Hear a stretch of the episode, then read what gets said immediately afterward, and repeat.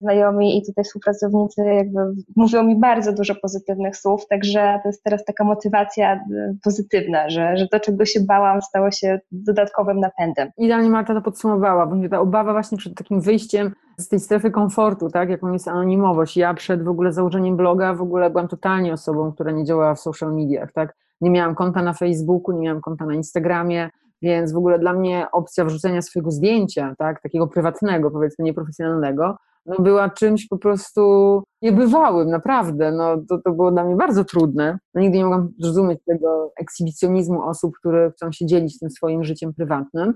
Teraz niestety do mnie dociera to, że, że bez tego prowadzenie kanału i bloga jest niestety niemożliwe, że, że to się nie da tak odciąć zupełnie od tego życia prywatnego, no bo jednak też przekonałam się, to jest taka lekcja moja, odkąd prowadzimy z Martą bloga, że za tymi treściami musi stać jednak e, osoba, tak, że ludzie, którzy wchodzą na tego bloga, muszą poznać osobę, która to pisze, muszą jakby jej zaufać.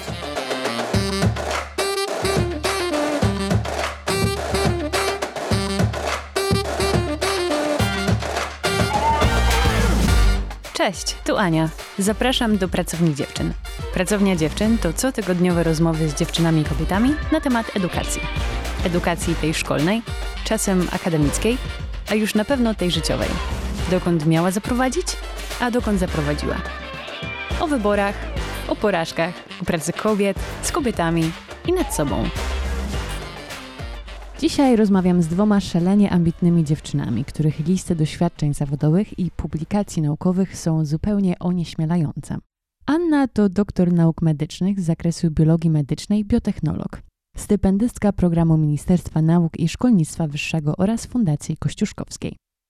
Tytuł jej pracy doktorskiej Mechanizm proliferacji i różnicowania keratynocytów w zastoju limfatycznym kończyn dolnych, wpływ cytokin i czynników wzrostu płynu tkankowego limfy rozkłada mnie na łopatki. Ale co ciekawe, Ania poświęciła również trzy lata swojej edukacji studiowaniu historii sztuki, o co nie omieszkam ją zapytać. Obecnie jest adiunktem w Zakładzie Epigenetyki Człowieka Instytutu Medycyny Doświadczalnej i Klinicznej Polskiej Akademii Nauk w Warszawie. Z kolei Marta to lekarka, rezydent drugiego roku w klinice okulistyki i optometrii Szpitala Uniwersyteckiego nr 2 imienia doktora Jana Biziela w Bydgoszczy, a dodatkowo studentka studiów podyplomowych na kierunku medycyna estetyczna i anti-aging. Marta odbyła liczne staże w zagranicznych instytucjach, w tym na Uniwersytecie w Cambridge czy Uniwersytecie Johanna Wolfganga Goethego we Frankfurcie nad Menem. Tak się składa, że z Martą znam się już od 12 lat z licealnej ławki, więc wiem co nieco o jej zapale i ambicji. Niestety ostatnio, tak ze spokojem i od serca, udało nam się porozmawiać 4 lata temu w barze na szczycie pewnego wieżowca w Chicago. Również w Chicago, choć w o wiele bardziej formalnych i naukowych okolicznościach, Marta poznała Anię, a Ania poznała Martę. Dziś obie to zgrany duet odpowiedzialny za stworzenie Ageless, naukowego bloga o starzeniu. Jak same mówią, ich blog jest odpowiedzią na brak rzetelnych, opartych na osiągnięciach nauki, informacji o procesach starzenia i sposobach ich spowalniania. Na ageless, co z angielskiego może oznaczać zarówno wiecznie młody, jak i w nieokreślonym wieku, piszą o najnowszych koncepcjach przyczyn starzenia i badaniach, które mogą wpłynąć na zahamowanie tego nieuniknionego przynajmniej dziś procesu. Na Ageless możecie m.in. przeczytać o tym, jak odpowiedni poziom żelaza we krwi jest kluczem do spowolnienia starzenia, jak dbać o suchą skórę, i to jest artykuł wręcz stworzony dla mnie, czy też o korzyściach płynących z jogi. O tych i wielu innych tematach dziewczyny piszą w sposób zupełnie dostępny, więc zachęcam Was do zajrzenia na ich bloga. Anna Domaszewska-Szostek i Marta Krzyżanowska. Witam Was bardzo serdecznie w Pracowni Dziewczyn. Witamy, witamy. Dziękujemy za zaproszenie. Cieszymy się na tę rozmowę. Tak, w ramach rozgrzewki, zanim wywołam Was do odpowiedzi na temat e, Waszej edukacji, chciałam Was zapytać, czy z Wami jako autorkami bloga o procesach starzenia i jak im przeciwdziałać, wypada rozmawiać o wieku? Powiem Ci tak, mam bardzo dużo przyjaciół, którzy mają około 80 lat na przykład i to są osoby, które absolutnie nie, nie mają jak gdyby problemu z kwestią wieku i wręcz ten wiek nie jest tak naprawdę niczym określonym. To są osoby, które mają bardzo zdrowe i fajne podejście do życia, mają wiele pasji, wiele przyjaciół, podróżują i ten wiek jest tak naprawdę tylko umowny. I to jest, myślę, clue do, do tego, do dobrych relacji z ludźmi, więc ja nigdy nie postrzegam kogoś pod kątem wieku, bo ten wiek tak naprawdę jest, tak jak powiedziałam, bardzo, bardzo umowny. Są ludzie, którzy metrykalnie są bardzo młodzi, natomiast mentalnie wiem, że, że będzie ciężko mi się z takimi osobami porozumieć. Oraz są osoby, które, tak jak powiedziałam, mają lat 80, fantastyczne, bogate doświadczenie, a mentalnie są osobami, którymi ja się czuję fantastycznie, uwielbiam z nimi przebywać. Piszecie na blogu o procesach starzenia i jak im przeciwdziałać. Czy wy w jakiś sposób obawiacie się starzenia organizmu, obawiacie się starości, no chociażby w tym takim fizycznym aspekcie? Troszeczkę pewnie tak, natomiast w momencie, kiedy zajmujemy się tym, piszemy o tym, czytamy bardzo dużo publikacji na temat starzenia się, staramy się wprowadzić pewne zmiany do naszego stylu życia, do naszego, naszej codzienności. Niewielkie zmiany, takie jak no, na przykład aktywność fizyczna, odrobinę jogi, czy ja dopiero się uczę medytować. Także staramy się troszeczkę zapobiegać temu, natomiast sam proces starzenia jest nieunikniony i nas prędzej czy później spotka. Natomiast to, jak my się zestarzejemy, jak będzie nasz umysł pracował, to też zależy troszeczkę od nas, więc na razie staramy się działać aktywnie w, w tej dziedzinie i w tym temacie. Marto, poruszyłaś wątek medytacji, ja postaram się do niego wrócić w dalszej części naszej rozmowy. Natomiast chciałam wrócić na chwilę do tego wieku. Wiem, że między wami jest spora różnica wieku. Czy na dzień dzisiejszy ta różnica wieku między wami, jeżeli chodzi o wspólne prowadzenie bloga, czy ona ma jakieś znaczenie? Że powiem tak, może z mojej perspektywy. No Marta, na pewno powiemy parę słów na temat, jak się poznałyśmy, aczkolwiek urzekła mnie swoją dojrzałością, aczkolwiek nie chcę powiedzieć tego, że poszukuję osób, które są dojrzałe i równe wieku ze mną. Właśnie nie, ja się bardzo inspiruję ludźmi generalnie. Uwielbiam rozmawiać z ludźmi, poznawać ludzi i ta kwestia wieku, o której powiedziałam wcześniej, zupełnie nie ma dla mnie najmniejszego znaczenia. Mam wśród swoich przyjaciół osoby dużo ode mnie młodsze, tak jak i dużo starsze i to jest właśnie kwestia osoby, więc no, z mojej perspektywy różnica wieku, jaka jest między mną a Martą, absolutnie nie jest czymś, co mogłoby utrudniać nam komunikację i współpracę, a wręcz jest czymś takim bardzo dla mnie inspirującym, bo często Martę pytam o, o różne kwestie, na przykład techniczne, których ja do końca nie ogarniam, te wszystkie Instagramy, rzeczy techniczne związane z blogiem. No niestety, ja swój pierwszy komputer miałam na pierwszym roku studiów, tak? Marta pewnie od dzieciństwa doskonale sobie radziła z informatyką, więc to są takie rzeczy właśnie, które wszystkie bym postrzegała w aspekcie pozytywnym, że jest między nami ta różnica wieku, na pewno doświadczenia, ale to jest właśnie takie bardzo inspirujące. Ja bym jeszcze dodała, że kiedy my się poznałyśmy, to było 4 lata temu właśnie w Chicago, ja nie wiedziałam, ile Ania ma lat. I ja nawet nie zdawałam sobie sprawy, że między nami jest różnica wieku, bo między nami tak od razu zaskoczyło, że my się zaczęłyśmy dogadywać, miałyśmy mnóstwo tematów do poruszenia, mnóstwo wspólnych zainteresowań. Także tej różnicy wieku w ogóle nie było czuć. Dopiero nie wiem, Ania, jak to wyszło, chyba jakoś przez przypadek mi powiedziałaś, jak coś masz lat i ja byłam zaskoczona, bo nie zdawałam z tego sprawy. Inna kwestia, że tak nie widać tej różnicy wieku. Ania wygląda super młodo, więc nawet moja siostra twierdzi, że wygląda na 30. Dzięki Martuś. Różnica wieku jest niewyczuwalna. Nie no, ja chciałam powiedzieć, że um, jak się patrzy na wasze zdjęcia na blogu, no to przecież wy wyglądacie jak dwudziestokilku, dwudziestokilkuletnie siostry, no. Wow, dzięki dziewczyny.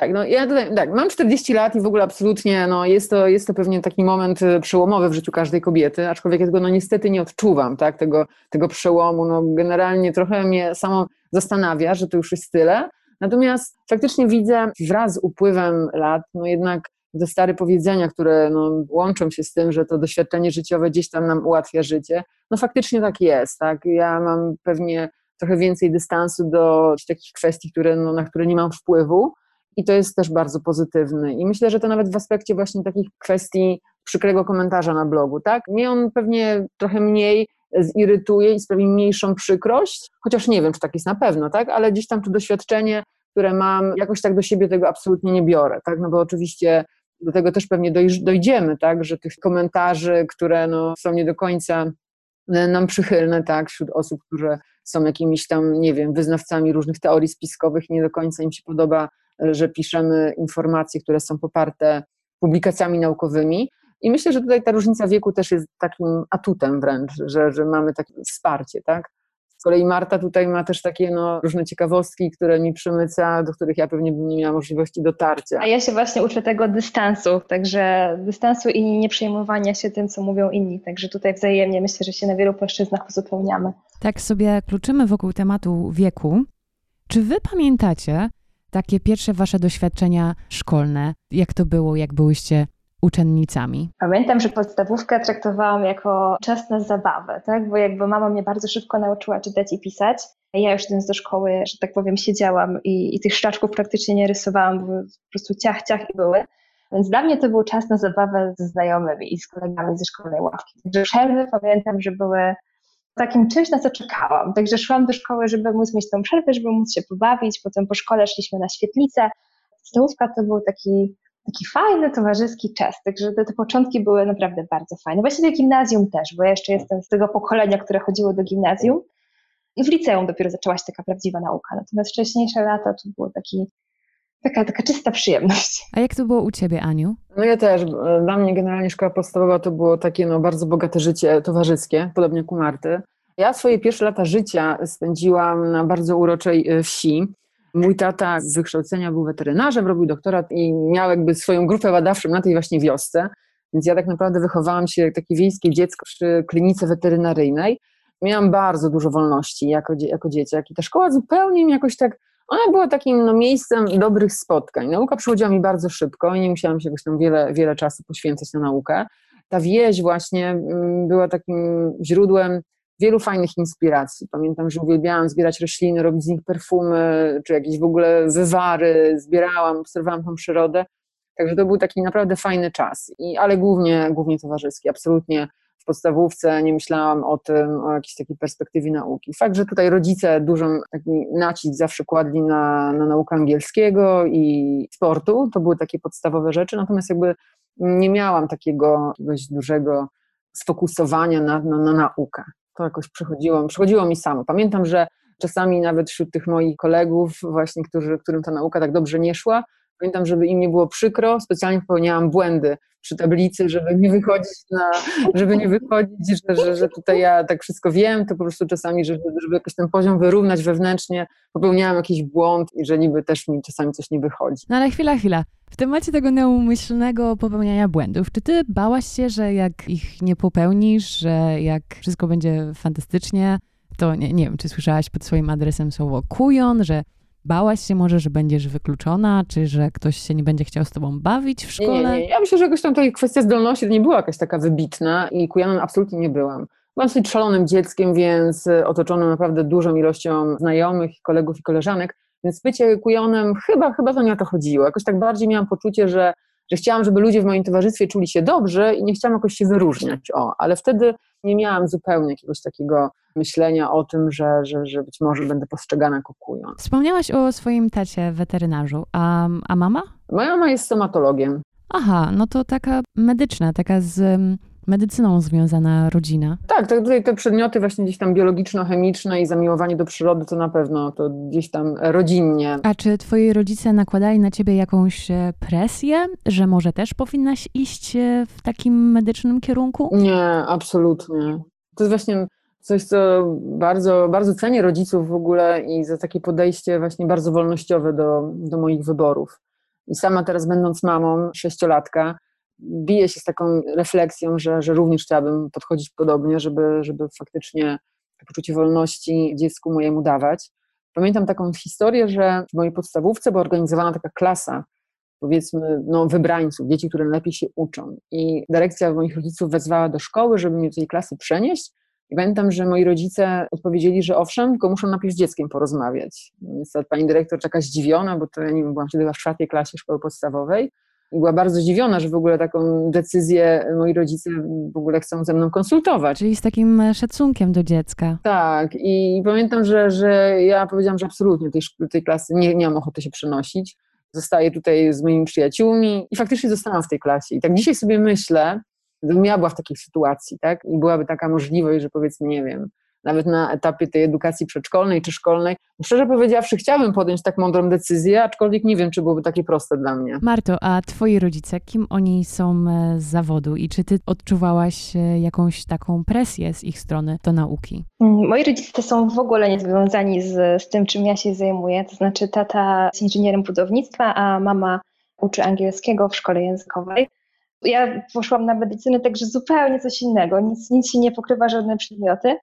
Natomiast rodzice mieli do mnie od początku jakieś duże zaufanie. Nauczyli mnie owszem szybko czytać, pisać, natomiast w podstawówce czy w gimnazjum nie sprawdzali mi prac domowych, nie, nie rozliczali mnie z ocen, czy one są e, wystarczająco dobre, czy mogłyby być lepsze. Także z ich strony nigdy nie miałam żadnej presji, że muszę być najlepsza albo że muszę być naprawdę dobra, że oczekiwaliby więcej. Właśnie tym się nie spotykałam. I za co mam ogromną wdzięczność do nich teraz jest też to, że oni szanowali i popierali wszystkie moje wybory, motywowali mnie, żebym osiągała to, czego chcę, a do niczego mnie nie namawiali. Ja pamiętam, że tak miałam wewnętrzne rozterki, czy, czy architektura, czy medycyna, no bo ten wybór trzeba było dość szybko podjąć, mając 14-15 lat, żeby potem wybrać odpowiednie liceum i, i to jest ten cały proces. Także ja stwierdziłam, że jako, że lubię tą biologię i chemię, to może jednak ta, ta medycyna i pamiętam, że oni mnie bardzo wspierali, ale jak na początku był moment architektury, to również, także mogłam robić, że tak powiem, co mi się zamarzy i miałam pełne wsparcie rodziców, co jest świetne, bo spotykałam wiele znajomych, wielu przyjaciół, którzy niestety tego nie mieli i albo byli bardzo namawiani przez rodziców, żeby szli w ich ślady i robili to samo, albo zniechęcani do tego, co, co chcieli tak naprawdę robić. Także też ja miałam tą wolność wyboru, bardzo, bardzo, bardzo doceniam. Mówicie o wdzięczności e, do swoich rodziców. Ja chciałam Was zapytać szczególnie o kobiety. Czy gdzieś w rodzinie, czy może sąsiadki, czy w rodzinie, może jakieś ciocie, czy siostry, czy spotkałyście na swojej drodze, czy były gdzieś e, w waszych rodzinach takie kobiety, od których się wiele nauczyłyście? W mojej rodzinie kobiety są silne, są silnymi osobowościami. Moja mama jest chyba najsilniejszą osobą, jaką znam. Tutaj już nie mówię o płci, czy to jest kobieta, czy mężczyzna, po prostu dla niej nie ma rzeczy niemożliwych. Wszystko można zrobić. Mój tata ma zresztą podobne podejście, że jeżeli się bardzo chce, wszystko jest do osiągnięcia. Także dla mnie inspiracją jest trochę moja mama która naprawdę osiągnęła wszystko, co chciała. I wiem, że jeżeli mam jej wsparcie, to czuję się dużo bardziej komfortowo, że wiem, że jak ona we mnie wierzy i też popiera, ja jej w pełni ufam i w 100% wiem, że naprawdę możemy, e, możemy to osiągnąć. I pamiętam, że miałam takie sytuacje w podstawówce czy w gimnazjum, że ktoś mi w szkole tak znalazł za skórę, e, w cudzysłowie. Pewna nauczycielka chyba języka angielskiego, z tego co pamiętam, była dla mnie niemiła na zajęciach. Powiedziałam to w domu mamie.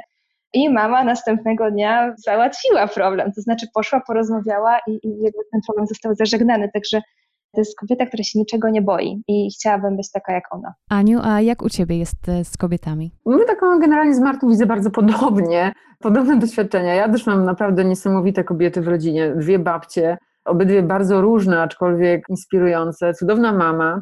I już może nie będę mówiła teraz o tym wpływie rodzinnym, bo on jest oczywisty, ale tak zadałaś Ani to pytanie, to pierwszą osobą, która mi stanęła taka kobieta właśnie gdzieś na tej mojej edukacji i na, na, na drodze, przez którą idę, to tak, mam taką jedną osobę, Marta pewnie ją doskonale zna, czy zna dobrze, to jest profesora Dwańska, którą poznałam w Chicago, która jest no, niezwykłym lekarzem, jest profesorem, ginekologiem, endokrynologiem, jest członkiem Fundacji Kościuszkowskiej.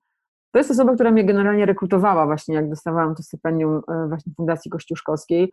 Osoba, która niezwykle mi pomogła w Chicago. Ja pojechałam tam z maleńkim synem, półtora rocznym i uzyskałam od niej naprawdę niezwykłą pomoc. To jest taki mój, myślę, mentor, osoba, która, która mnie niezwykle inspiruje w jej podejściu do życia, w podejściu do ludzi, e, w niesamowitej misji, którą ma, taki, takiej pomocy młodym osobom właśnie związanym z medycyną, związanym z nauką. Także myślę, że to jest, że takich osób jest wiele, tylko faktycznie trzeba trzeba się otworzyć na te, na te doznania, na, na, na, na podróżowanie i, i tych osób naprawdę jest wiele, które no, fantastycznie mogą nas wspierać.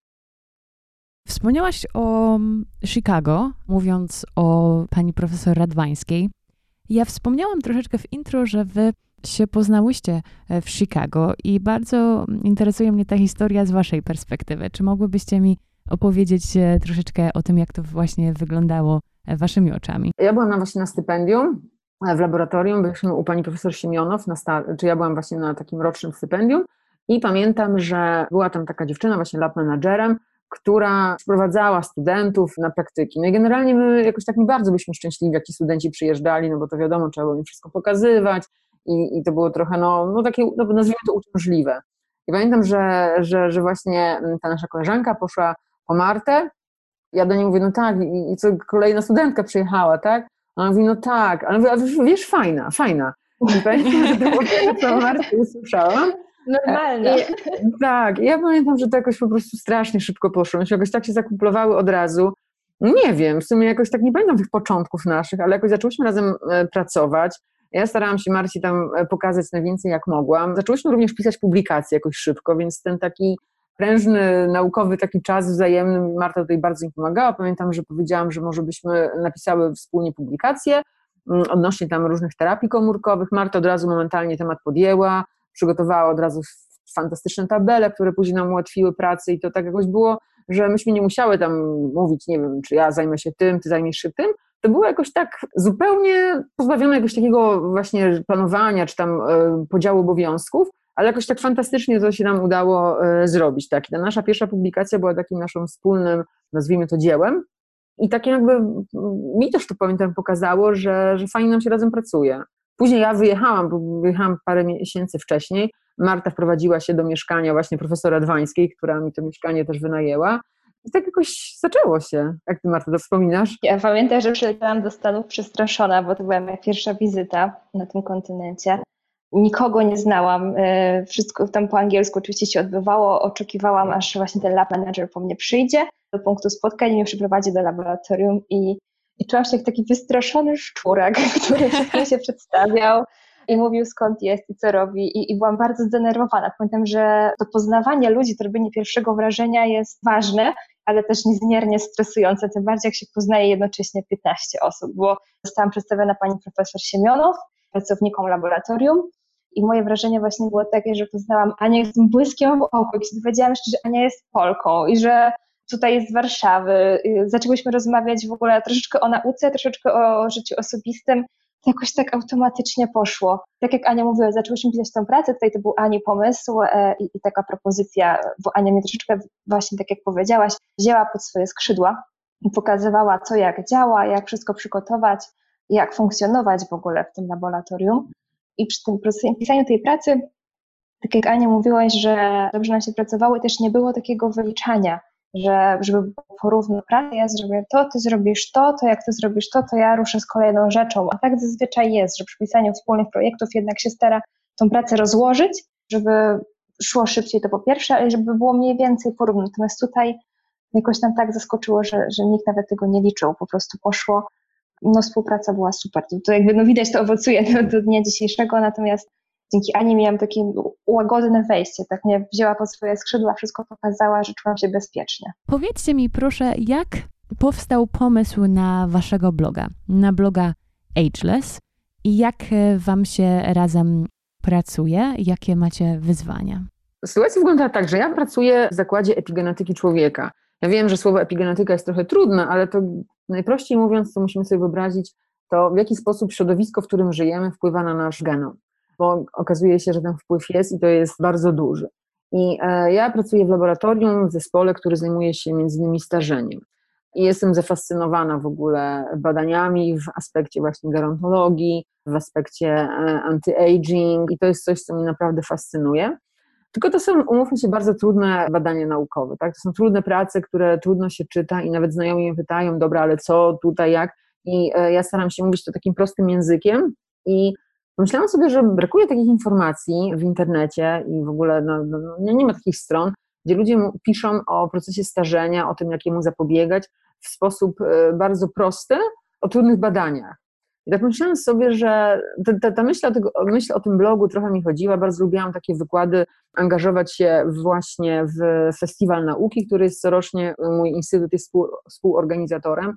Widziałam wielkie zainteresowanie ludzi tą, tą tematyką, Natomiast no, brakowało takiego miejsca w internecie, który faktycznie e, byłby odpowiedzią na, na takie, dla tych osób, tak? czyli prostym językiem o, o sprawach naukowych.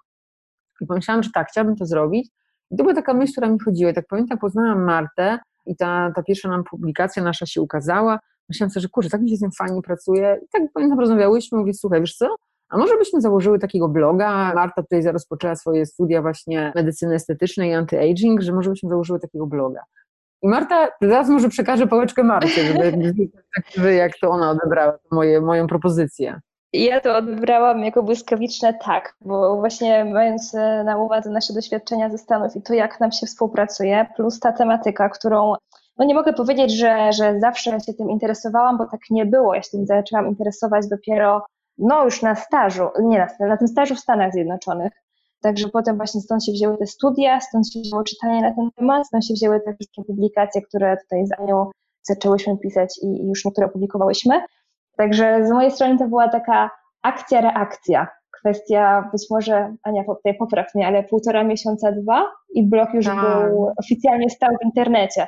Także tutaj poprosiłyśmy kolegę informatyka, żeby zbudował stronę. Zaczęłyśmy rozmawiać, jak byśmy chciały, żeby to wyglądało, jakie kategorie, jaka tematyka. I szybko to nam bardzo poszło, że po prostu padł pomysł i się wzięłyśmy do roboty. Pamiętam, że najdłużej zastanawiałyśmy się nad nazwą. To był nasz, e, to był nasz największy problem. Może zabrzmieć banalnie, ale wybór nazwy zajął nam najwięcej czasu.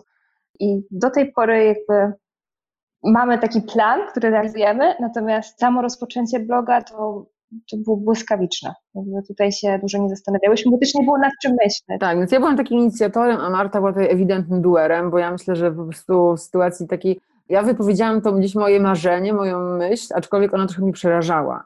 No bo umówmy się, dla osoby, która jest w środowisku akademickim, pracuje właśnie no, wśród y, kolegów, naukowców samych i teraz nagle zostanie blogerem, no, no nie jest prostą decyzją. Ja miałam takie obawy, w zasadzie w ogóle, że mi było trochę głupio przed moimi e, kolegami z instytutu, że w ogóle, ale jak to, że, że to może nie jest takie profesjonalne, tak? I aczkolwiek no, to jest bardzo profesjonalne, umówmy się, bo my te wszystkie posty piszemy w oparciu o naprawdę świetne publikacje, więc tam nie ma jakiejś takiej treści, no, no jest tego bardzo dużo, tak, takich blogów, które mówią, że, że, że coś działa, czy nie działa, pisane przez osoby, które absolutnie nie mają wykształcenia żadnego, więc ten nasz taki miks w ogóle, Marta jako lekarz, jako naukowiec, myślę, że fajnie się też e, uzupełniamy. Tak, więc myślę, że tutaj no, ja bez Marty na pewno bym nie ruszyła, to na pewno. Ona dała temu taką fajną energię i faktycznie przykułyśmy to bardzo szybko w, rea- w coś realnego. Mm, dziewczyny, chciałam Was zapytać o to, jak Wy sobie radzicie z krytyką. Wspomniałyście wcześniej o, o różnych komentarzach, w tym też o teoriach spiskowych, prawda? Jak e, wy się motywujecie? Jak dodajecie sobie otuchy, takiej pewności siebie? E, Aniu, ty też wspomniałaś o tym zderzeniu, że z jednej strony naukowiec, z drugiej strony blogowanie. Jak wy się przełamujecie? Czy właśnie motywujecie do kolejnego projektu, do nowego artykułu, do jakiegoś nowego przedsięwzięcia. Takich negatywnych komentarzy to mamy naprawdę kilka, aczkolwiek one są, tak zdarzają się, bo na przykład kiedy pisałyśmy posty na temat koronawirusa, no to umówmy się, jest wielki ruch antyszczepionkowców w Polsce, nie możemy same w to uwierzyć, tak? Myśmy też zobaczyły, jakie jest oblicze internetu, generalnie jakimi teoriami ludzie żyją i nie zdawałam sobie z tego sprawy, naprawdę. Nie zdawałam sobie sprawy, jakie, jakie można mieć po prostu poglądy i w jakie teorie spiskowe wierzyć. Tak, tak jak Ania powiedziała, właśnie krytyki jest do tej pory dużo nie było, natomiast ja się bardzo bałam krytyki. To było coś, co na początku mnie też ograniczało pod względem takim, że do tej pory byłam dość anonimowa, żyję w wielkim mieście, wszyscy w pracy oczywiście mnie znają, natomiast e, poza tym jestem jestem anonimowa, jestem sobą, ale nie jestem osobą publiczną, a tutaj wchodzimy w, w taki świat, gdzie piszemy coś, pod czym się podpisujemy, jesteśmy oczywiście z tego dumni, ale nie każdemu to się może podobać. Ja miałam takie obawy, że skoro zacznę specjalizację z zakresu okulistyki, to mogą być takie oczekiwania od osób w pracy, od moich przełożonych, że powinnam cały czas wolny poświęcić okulistyce. Znaczy, miałam takie obawy. Bałam się tego, że to, że robię coś innego dodatkowo na dużą skalę, może nie być pozytywnie zaaprobowane. Na szczęście tak nie było. Natomiast e, bałam się tego, bardzo bałam się ujawnić, bałam się firmować te rzeczy swoim nazwiskiem, swoją twarzą. Jest to spowodowane obawą przed krytyką.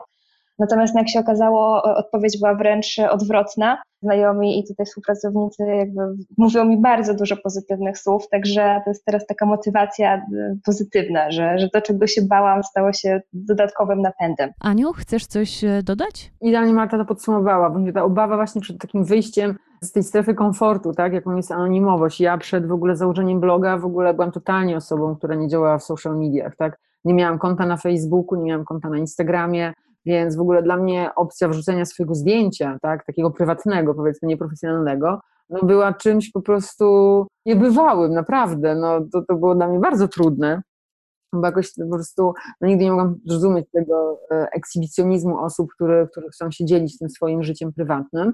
Teraz niestety do mnie dociera to, że, że bez tego prowadzenie kanału i bloga jest niestety niemożliwe, że, że to się nie da tak odciąć zupełnie od tego życia prywatnego, no bo jednak też przekonałam się, to jest taka lekcja moja, odkąd prowadzimy z Martą bloga, że za tymi treściami musi stać jednak e, osoba, tak, że ludzie, którzy wchodzą na tego bloga, muszą poznać osobę, która to pisze, tak, muszą jakby jej zaufać i to jest, to jest podstawa.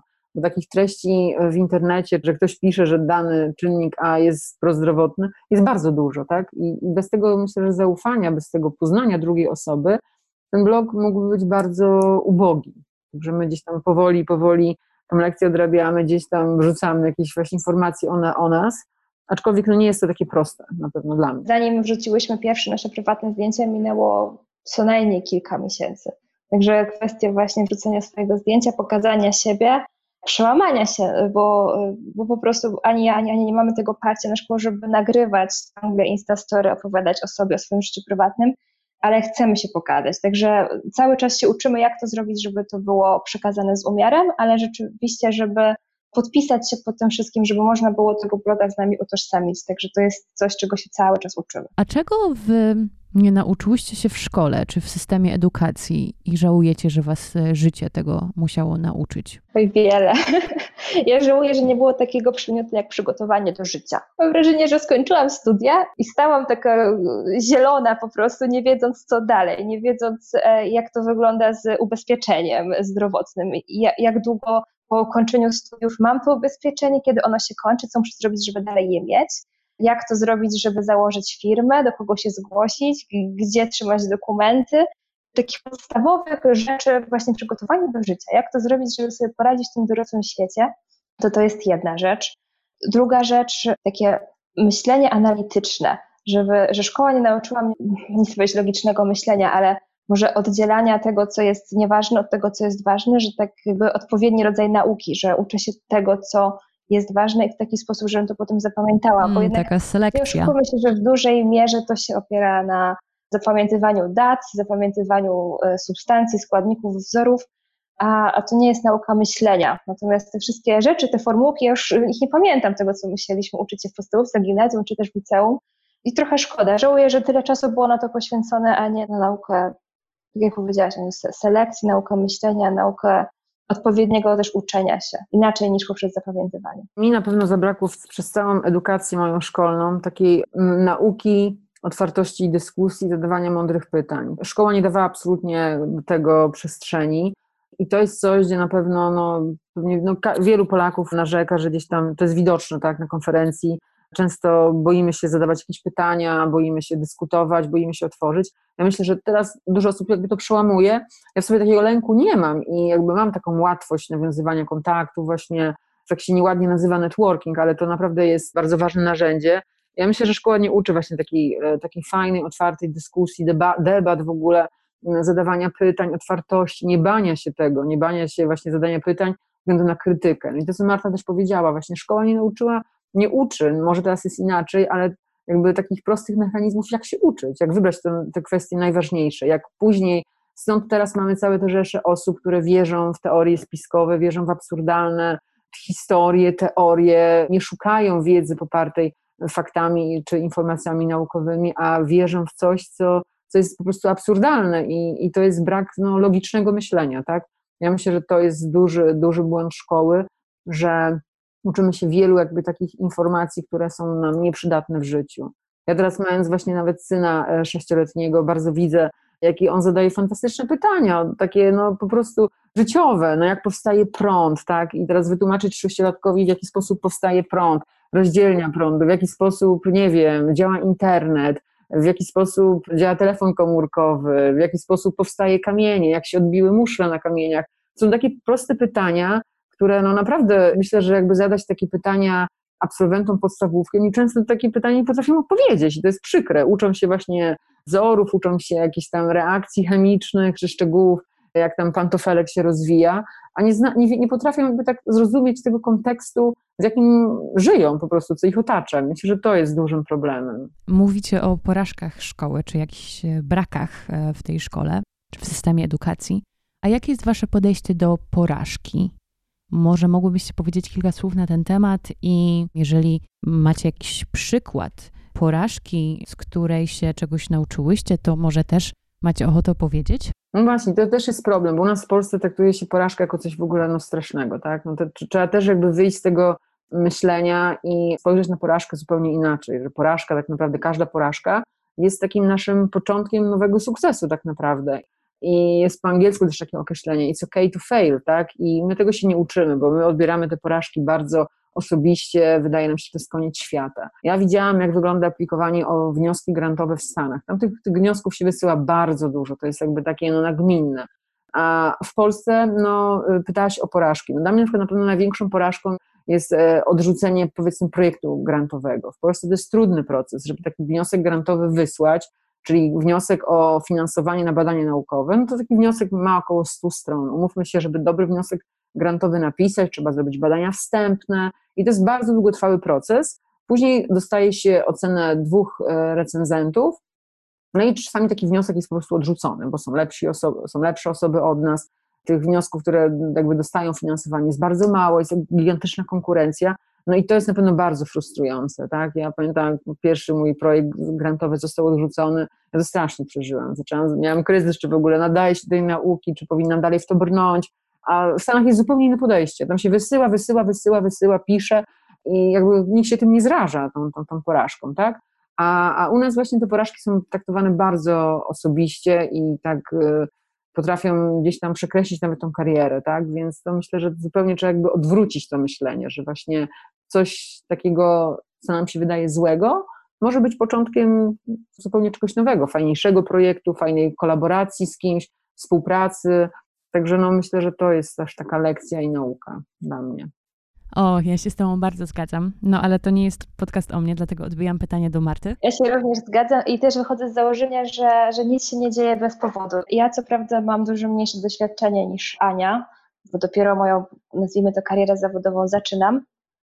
Natomiast mogę co nieco powiedzieć o tym, jak w ogóle wyglądał proces dostawania się na specjalizację, bo to było dla mnie ciężkie, kiedy po 6 latach studiów, 13 miesiącach stażu, czy też już w trakcie trwania stażu piszemy taki egzamin, on nazywa się LEK, lekarski egzamin końcowy. I pamiętam, że on był we wrześniu. Mój pierwszy egzamin było się we wrześniu, więc ja nie pojechałam nigdzie na wakacje. Siedziałam trzy miesiące się uczyłam, co było dla mnie ciężkie do przełknięcia, ponieważ się zazwyczaj dobrze uczyłam. Myślałam, że to rozumiem i wiem, a okazało się, że jednak nie. Jakby ten egzamin, który nie ma przełożenia na, na umiejętności, na to, czy mamy predyspozycję do, do danego zawodu, czy nie, y, po prostu mnie zrównał z ziemią, że nagle tyle procent, które mi nie daje miejsca na okulistyce, nie daje mi wejścia na tą specjalizację. Pamiętam, że uczyłam się kolejne trzy miesiące na sesji lutowej, dopiero za trzecim razem mi się udało tą magiczną barierę przebić. Natomiast, tak jak powiedziałam przed chwilą, nic się nie dzieje bez przyczyny.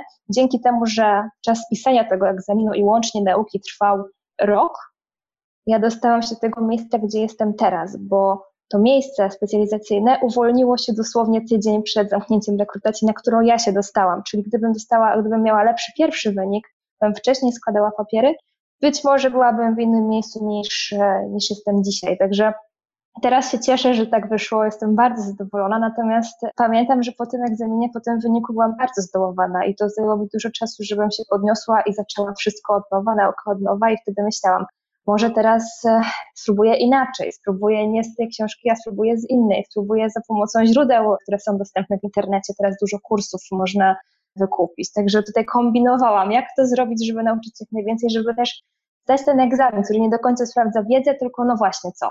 Także też e, jak nauczyć się zdawać egzamin. To jest tak podobnie jak z maturą. Jak, jak, e...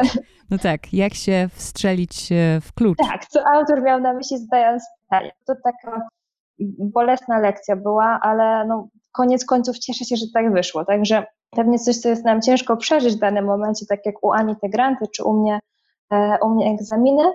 Teraz z perspektywy czasu ja patrzę na to inaczej. W przypadku grantów jest pewnie trudniej, bo, bo to zajmuje dużo więcej czasu niż, e, niż moja nauka do egzaminu, ale potem jakoś z tego wychodzimy obronną ręką i mam wrażenie, że, że z każdej porażki może się czegoś nauczyć. A patrząc w przyszłość, jakie macie plany? Nad czym myślicie? Nad jakimi celami zawodowymi, ale też na blogu, czyli razem i i osobno? Czego chciałybyście się nauczyć? Jakie przedsięwzięcia mm, podjąć? No ja liczę bardzo, że uda mi się uzyskać finansowanie na jakiś super projekt grantowy. Bardzo mi na tym zależy. Jak powiedziałam, nie jest to takie proste, ale nie poddaję się i cały czas te moje projekty staram się, żeby były ulepszone. Takim kolejnym wyzwaniem, które stoi przede mną, to jest na pewno habilitacja, więc tutaj muszę też wysiłki położyć do tego, żeby jak najwięcej prac opublikować moich takich badawczych. Myślę, że takim celem prywatnym bo do Ageless przejdę za chwilę, to jest zastosowanie większości rzeczy, o których piszemy na blogu. Bardzo mi zależy na tym, o czym mówiłam o tej epigenetyce, tak? czyli jak wpływa środowisko na nasze zdrowie, na nasz, na nasz genom, żeby właśnie te wszystkie rzeczy, które poruszamy na blogu, zastosować w naszym codziennym życiu. I myślę, że fajnie mi się to udaje, bo włączam ten element codziennej aktywności fizycznej. To faktycznie tak od dobrego roku udało mi się osiągnąć, że, że ta aktywność fizyczna jest codziennie. Na diecie roślinnej e, jestem już od bardzo dawna, ponad 20 lat, ale no staram się tutaj też właśnie wiele kwestii do mojego codziennego, codziennych takich rytuałów włączać. Więc to jest taki cel jakby mój zdrowotny i prywatny. To może teraz Marta o Ageless powiemy razem, jakie mamy cele. Ja z moich celów takich zawodowych, no to wiadomo, że chciałabym ukończyć specjalizację, bo jestem dopiero na początku drugiego roku, a trwa ona lat pięć. Specjalizacja i studia. I chciałabym, bo, bo, jeszcze jestem w trakcie, to nie mogę powiedzieć, że już wiem, czego chcę. Ja się cały czas uczę i z czasem poznaję, czego chcę. Tak wyglądała cała moja ścieżka tutaj edukacyjna i, i zawodowa.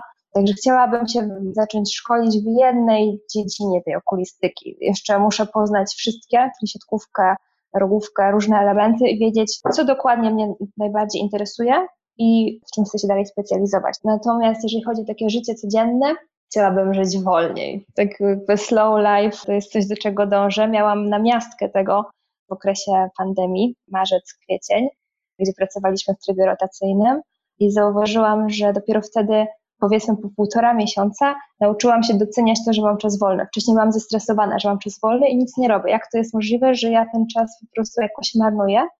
I dopiero z czasem nauczyłam się doceniać to, że ja mam ten czas i że ja go mogę właśnie, to nie jest nawet marnowanie, ja go mogę spędzić tak, jak mam ochotę. Że też przestałam sobie wyrzucać, że nie zrobiłam danego dnia tyle, ile powinnam, a zaczęłam cenić to, że robię coś dla siebie, że robię coś właśnie dla swojego zdrowia, jakąś aktywność fizyczną, zdrowsze jedzenie, gotowanie sobie samemu, żeby jeść nieprzetworzoną żywność.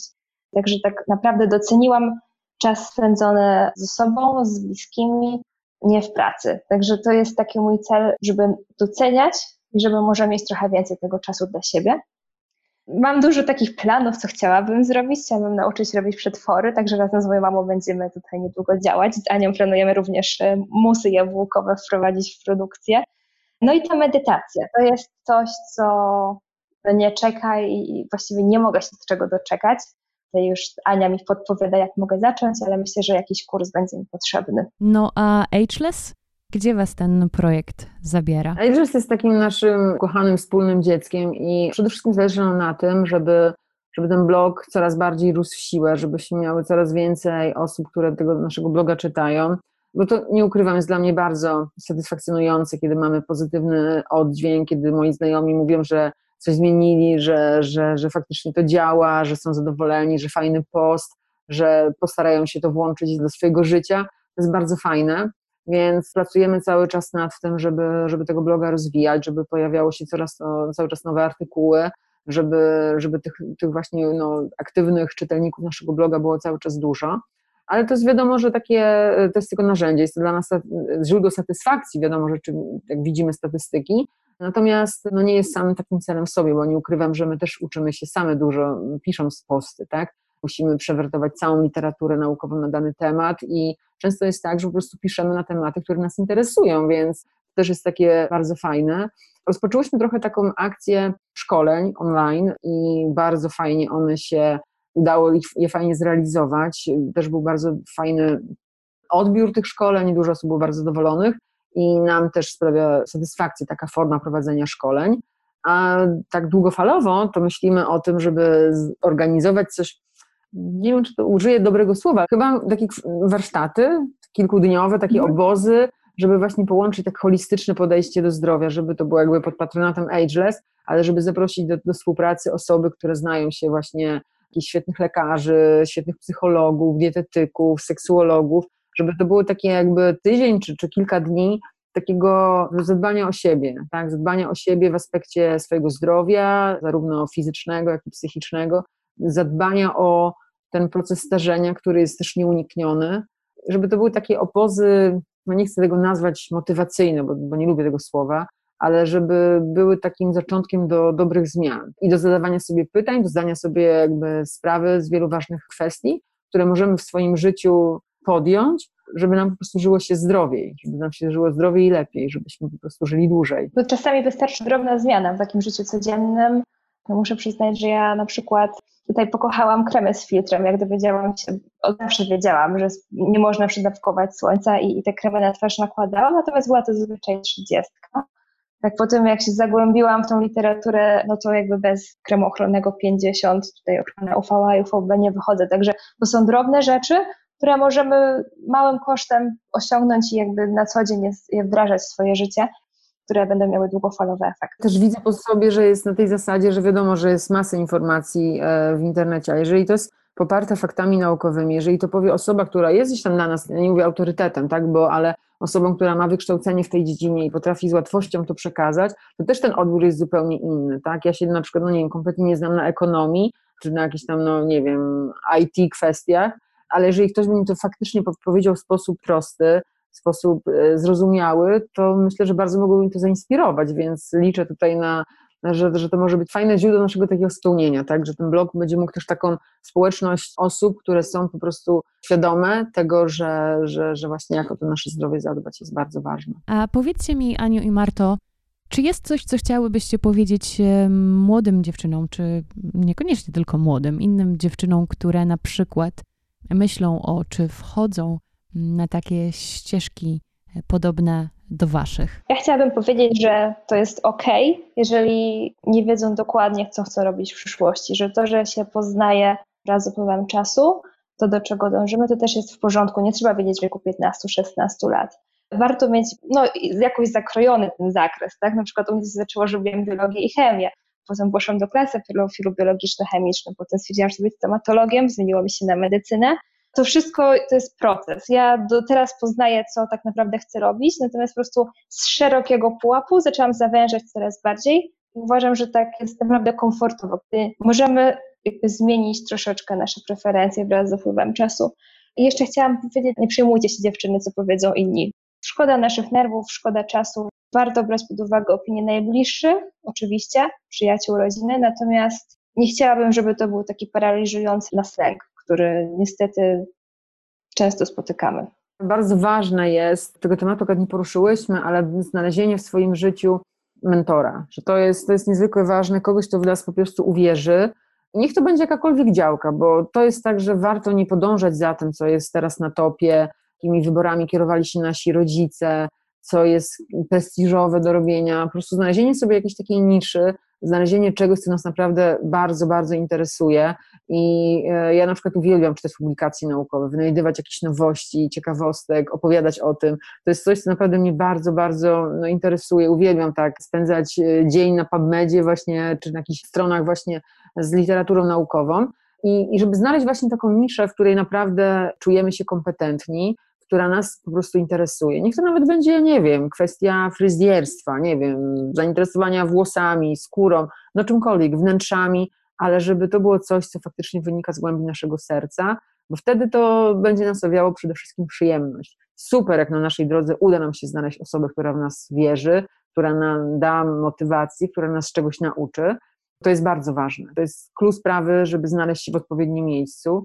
A dwa, myślę, że kiedy poczujemy, że miejsce, w którym jesteśmy, nie jest do końca tym idealnym miejscem, to nie czekajmy, aż to miejsce się zmieni, bo ono raczej się nie zmieni, tylko po prostu my zmienimy to miejsce, tak? Bo każda moja podróż zawodowa, czy jako studentka na Erasmusie do Francji, czy później będąc na Stanfordzie, czy będąc w Chicago, czy, czy pracując w Indiach, gdzie też wykonywałam część swojego doktoratu, to były tak inspirujące wyjazdy, poznawałam tak inspirujące osoby, że wracałam praktycznie z takiego wyjazdu odmieniona i wyjście, takie puszczenie się na tą głęboką wodę było zawsze dla mnie czymś bardzo pozytywnym i wracałam z takiego wyjazdu zupełnie, zupełnie inna, tak, bogatsza o nowe doświadczenia, więc warto, warto po prostu się odważyć, to jest też bardzo istotne.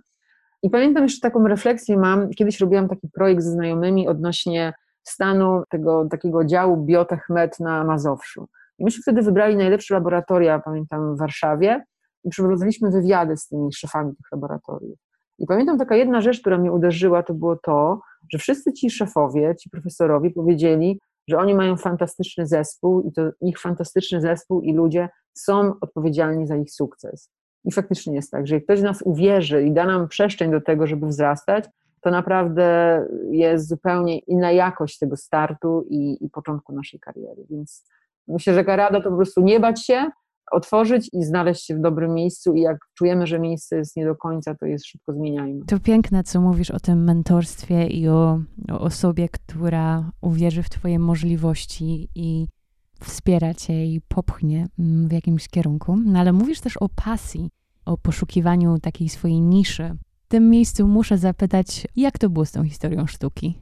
Dobre pytanie.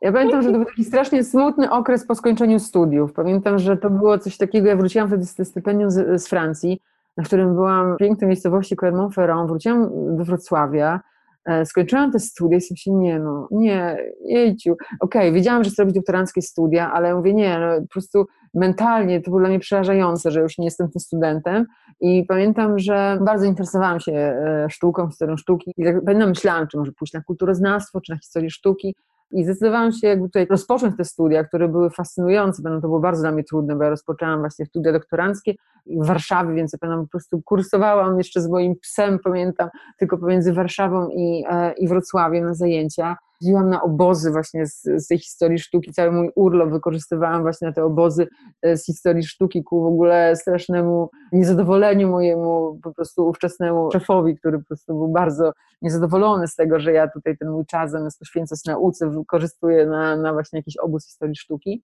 No to były fascynujące lata w ogóle, zupełnie inni ludzie, bardzo, bardzo fajny czas, naprawdę bardzo miło to wspominam. No niestety to nie było jakby studia, które gdzieś tam liczyłam, że będę pracować, tak, jako historyk sztuki, ale to było po prostu tak dla własnej przyjemności i, i absolutnie nie żałuję. A ta sztuka gdzieś została w twoim życiu, jest e, dzisiaj obecna? Nie wiem, czy jakaś refleksja nad, e, nad kulturą, nad sztuką, czy nie wiem, chodzenie do do muzeów, żeby się zrelaksować, czy oderwać myśli od czegoś o, innego? Uwielbiam, uwielbiam, uwielbiam. Zachęta i w ogóle wszelkie muzea sztuki współczesnej są moje ulubione miejsca, uwielbiam w nich spędzać czas, uwielbiam w ogóle architekturę, zachwycam się architekturą, zachwycam się sztuką współczesną.